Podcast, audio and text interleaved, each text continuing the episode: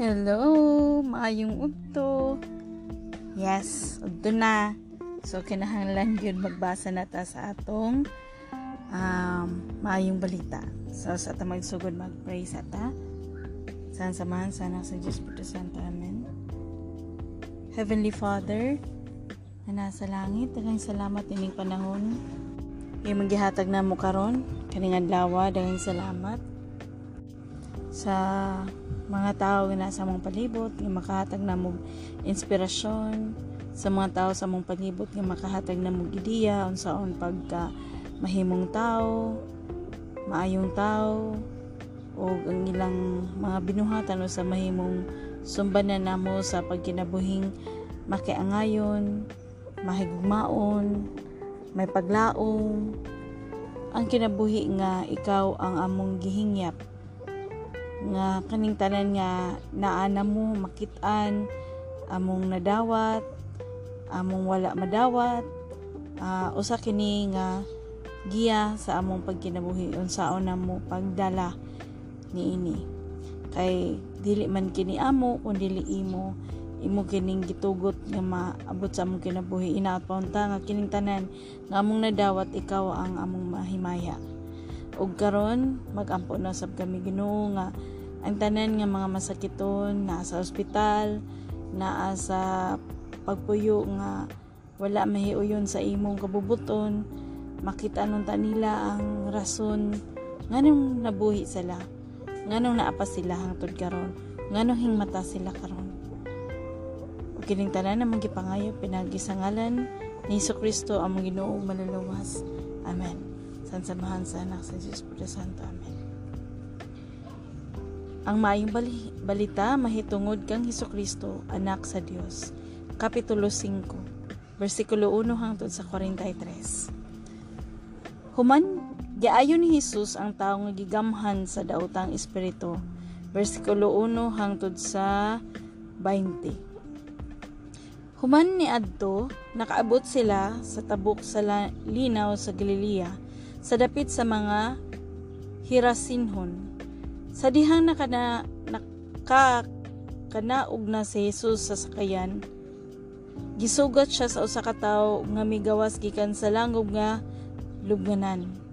Kini nga tawo gigamhan sa daotang espiritu ug didto na nagapuyo sa mga langob nga lubnganan. Wala gay tawo nga makagapos kaniya bisan makakadina kaniya. Daghan na nga higayon nga gikadinahan ang iyang tiil iyang mga tiil og mga kamot apan gipamugto lang niya kini. Wala gayo makapugong kaniya. Adlaw ug gabi didto sa mga langob nga lubnganan o kaha sa mga bukid. Nagsigi siya og singgit ug gisamad sa maraniyag bato ang iyang lawas. Sa pagkakita niya kang Hesus dito sa layo midagan siya ngadto kaniya og miluhod. Lingon sa Hesus sa daotang espiritu nga nagpuyo niadtong tawo ikaw nga daotang espiritu gawas di ka ni ining tao. Misinggit ang tao. Hesus anak sa Dios nga labaw sa tanan unsay imong labot kanako nakga pakiluoy ako kanimo sa ngalan sa Dios nga dili mo ako silutan. Gipangutana dayon siya ni Hesus unsay imong ngalan? Mitubag siya ang ako ngalan si Panon tungod kay daghan kami ug nagsigi siya pakiluoy kang Hesus nga dili lang sila papahawaon ni atong dapita. Dool dito na idaghang mga baboy nga nangukad sa bakilid.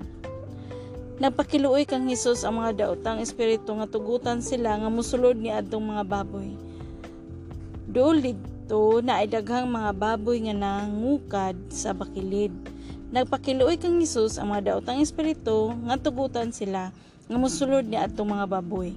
Busang itugutan niya sila, ug bigawas ang mga daotang espiritu, gikan ni atong tao ug misulod sa mga baboy. Unya ang tanang mga baboy didto nga mga duha kalibo mihaguros sa pagpanagan padulhog sa bakilid, diretsyo sa linaw ug nangalumos. Nanagan ang mga nagaatiman sa mga baboy ug gisulti nila ang nahitabo ngadto sa mga tao sa lungsod ug sa kaumahan. Busa miadto ang mga tao kang Hesus aron tan-awon kun unsa ang nahitabo. Pagabot nila didto nakita nila kadtong tao na nga kaniadto gigamhan sa mga dawtang espiritu nagalingkod siya nga may bisti na ug maayo na ang pangisip. Busa na nga hadlok sila. Ang mga nakakita misulti sa mga tao kung unsa ang nahitabo sa tawo gigamhan kaniadto sa mga dawtang espiritu ug ang nahitabo sa mga baboy Tungod niya atong hitabuan nagpakiluoy sila kang Hesus nga mobiya sa ilang lugar. Sa dihang musakay na si Hesus sa sakayan kadtong tawo nga kaniadto gigamhan sa mga dawtang espiritu nagpakiluoy kaniya nga kun mahimo paubanon siya. Apan wala mo sugot si Hesus giingnan hinuon niya kini pauli sa imong pamilya ug sultihi sila kung unsa ang gihimo sa Ginoo unsa siya kamaluluyon diha kanimo. Busa milakaw Kadtong tao ug miadto siya sa probinsya sa Decapolis ug didto gisulti niya ang gihimo ni Hesus kaniya. Natingala gayud ang tanan nga nakadungog kaniya. Ang bata ni Jairus ug ang babae nga mihikap sa biste ni Hesus. Versikulo 21 hangtod sa 43.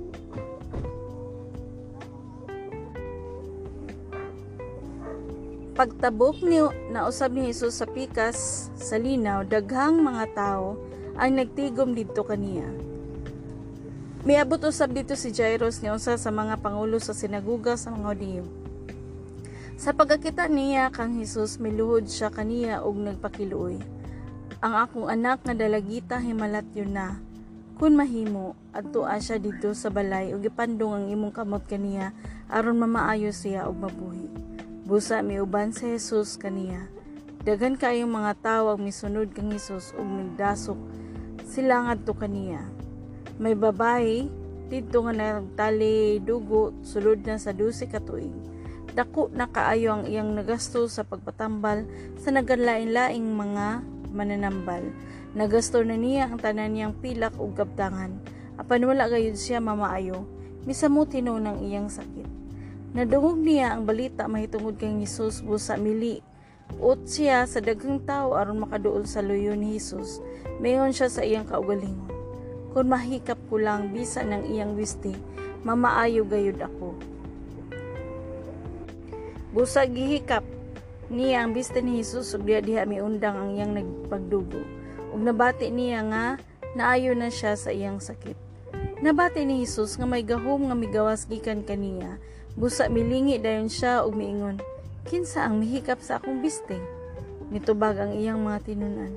Kadaghan sa mga tao nga nagdasok diha kanimo, nganong manguta na kapaman kung kinsa ang mihikap kanimo. Apa naglingi-lingi pagayod siya kung kinsa ang mihikap kaniya. Tungod kay nasaran sa babae kung unsa ang nahitabo kaniya, midul siya kang Hesus nga nagkurog sa kahadlok. Miluhod siya og misulti sa tinuod.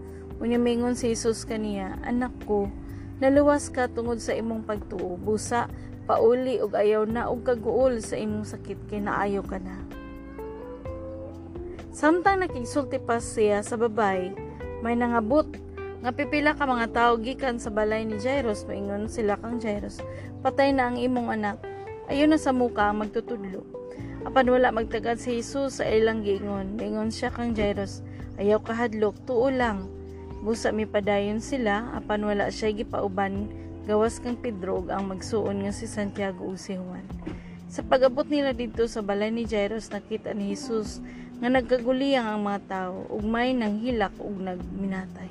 Misulod sila sa balay ug miingon siya sa mga tao. Nganong nagkaguliyang ug nanghilak man kamo? Wala mamatay ang bata kundi natulog lang siya. Kikatawan nila si Jesus busog ipagawas niya ang tanang mga tao ug gipasulod niya sa kwarto sa bata ang amahan ug ginahanini ug ang tulo iyang kauban. Unya iyang gikuptan ang kamot sa bata ug mingon, Talita kum, nga ang buti pasabot inday, hangon. Ug diha-diha mibangon ang dalagita ug naglakaw-lakaw. Ang mga dalagita nagapanoigon og dusi ka tuig. Hilabihan gayud ang ilang katingala sa nahitabo. Apan gipahimangnuan niya sila nga dili gayud mosulti kang bisan kinsa. Ug giingnan niya sila nga hatagan og pagkaon ang bata. Mao kini ang pulong sa Ginoo. Okay, daghang salamat. Loy, daghan og pagtulunan. Pinaka highlight siguro natong pagtulunan. Na baka sa kasubo karon no? Ang Ginoong Hesus Kristo nagaingon kanimo nga bangon. Bangon diha. Unya ang iyang gingon dito sa pagtuo ni pareho sa katong babaeng tanil talinugan no? Inana po dapat kadako ang atong paglaom ni Hesus Kristo inana ang atong pagsalig niya unsa ba mga sakit ang dili kaya sa Ginoo. Pero kung itong pagsangpit niya kung kano sa lang tanay sakit might as well ato na nang i-check ang atong ang atong life ang atong way of respect sa atong pagtuo. Diba? Dili siya ingon nga basta-basta lang. Dili pwede nga. Wala lang. Mura ba og wala tay buhaton kinahanglan na gyud buhaton pareho sa ibuhat sa babae nga sa iyang pagtuo nga ang sid-sid lang iyang magunitan maayo na siya. So ayaw ta pagkalimot nga atong Ginoo. Buhi. Si Hesus Kristo buhi. Nakabati siya. Grabe ang iyang pagtagad ka nato. Mao na nga ugong mahimo ato yung buhaton ng atong kutob sa atong makaya atong pagduol pagpaduol sa atong Ginoo. Unsa kalaw mga atong pagtuo niya. Diha magsugod ang atong paglaom. Diha magsugod ang atong pagkaayo. Diha magsugod ang atong mga kahuyang mapulihan o kalig-on. So kung ang atong Ginoo hari sa tanang mga hari prinsipe sa tanang prinsipe ang tagiya ni ining tanan. Tapos siya mo ay naghatag og kinaiyahan. Nganong inana man kagamay ang atong pagtuo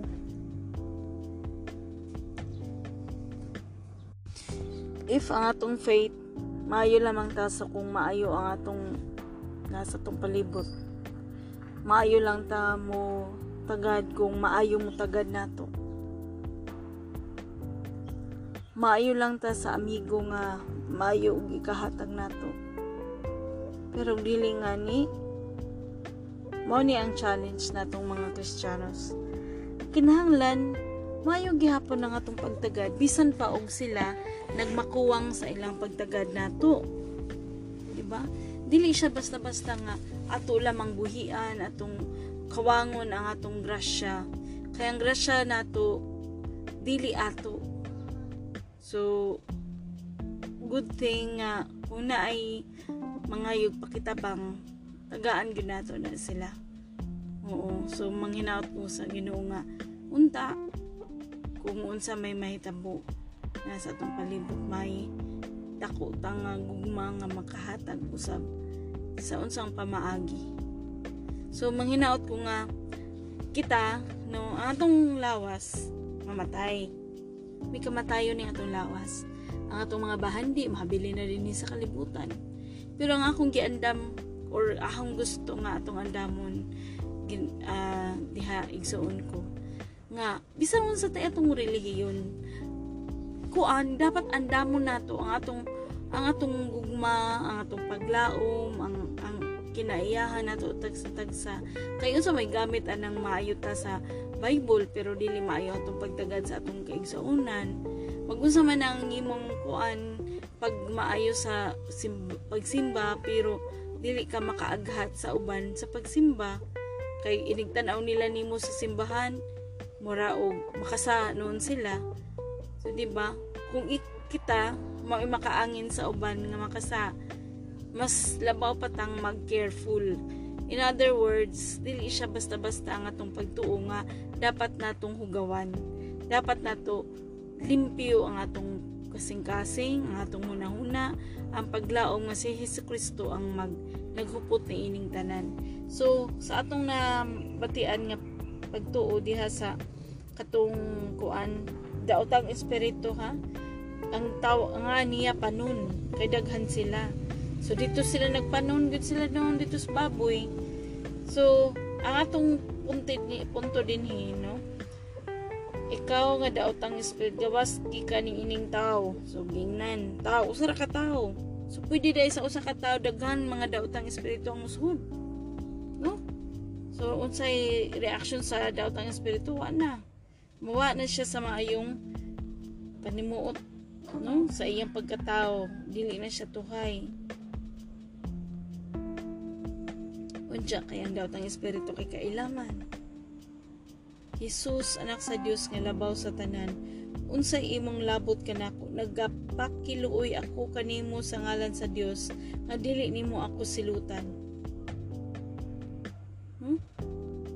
sila kaila. Nya kita nga kanang mga mga pinangga nga gitubos taw wa nun ta kaila? Sa una lamang na ang tag-iya wa na nun na tumaili or ang tag-iya ba noon ang itong gipatamas-tamasan. So careful ta kay kanang pag panamas-tamas sa ngalan sa atong Ginoo. Dili gyud na mapasaylo. Mo na na daan na, na sa atong gibasa last time. Na na sa kuan katong sa 3, Marcos 3. Oo, nga di basta-basta ning atong pagtuo. Dapat ang atong pagtuo atong huktahan, atong ampingan, atong ipasigarbo, atong ang ang gituuhan nato atong ipasigarbo atong himayaon. Atong ipasaka kaniya ang gugma ang paglaom nga padayon nato siyang huptan. So ay takalimot nga sa kinabuhi kinsa may nakasabot kano sa takuhaon sa Ginoo? Diba pero samtang naay buhi pa samtang makaya pa lihok ko nato ang unsay maayo. Oh, so may experience na ako sa kinabuhi nga kuan ay sus. Di basta-basta gyud. Ang ako lang ikaingon ninyo I am not here today talking to you. Wala ko din hikaron kung kung wala ang Ginoo hingabot. Wala pud ang Ginoo gipangita na ho Ingon gyud kung Ginoo di gyud na ko kaya ikaw ni bahala ni ani Tungod kay dili na ko kaya ang mga buta nga dili na ko makita o ikaw na may nakasabot ipakita kung say maayong buhaton. So, dinhi lang kita kutob. No? Kaya ta magdugay kay para mas dali ang inyong pag-intindi pag humana to tagsa-tagsa sa mga pulong sa Ginoo o mag-ampo ta amahan na mo anak sa mga langit padagan mo ngalan. Mabot ka na mo imong gingarian matuman yung pagbuti ni Seta mayin sa langit. Ang kalano na mo sa matagad law hatag ka na mo karalawa o pasaylo kami sa mga sala ingon nga pasaylo kami sa kasala ka na mo. O dili mo kami tugyan sa mga panulay nanuwalo sa kasalautan Amen. Magimaya ka Maria na puno ko sa grasyang ilong Diyos mo Blani ka sa mabay tanan, blani sa mabungas dyan mga sa Jesus. Santa Maria nan ka sa Diyos, sige po mo kami makasasal. Karoon sa oras sa mga kamatayan. Amen. Himaya samahan sa anak sa Diyos Espiritu Santo. May sa sinugdan kung sa gahapon sa mga katuigan mo na katapusan. Nga. Amen. Samahan sa anak sa Diyos. Okay, ni si Teacher D, Teacher Daisy, Desiring for God. Bye! Thank you. Thank you for listening. God bless.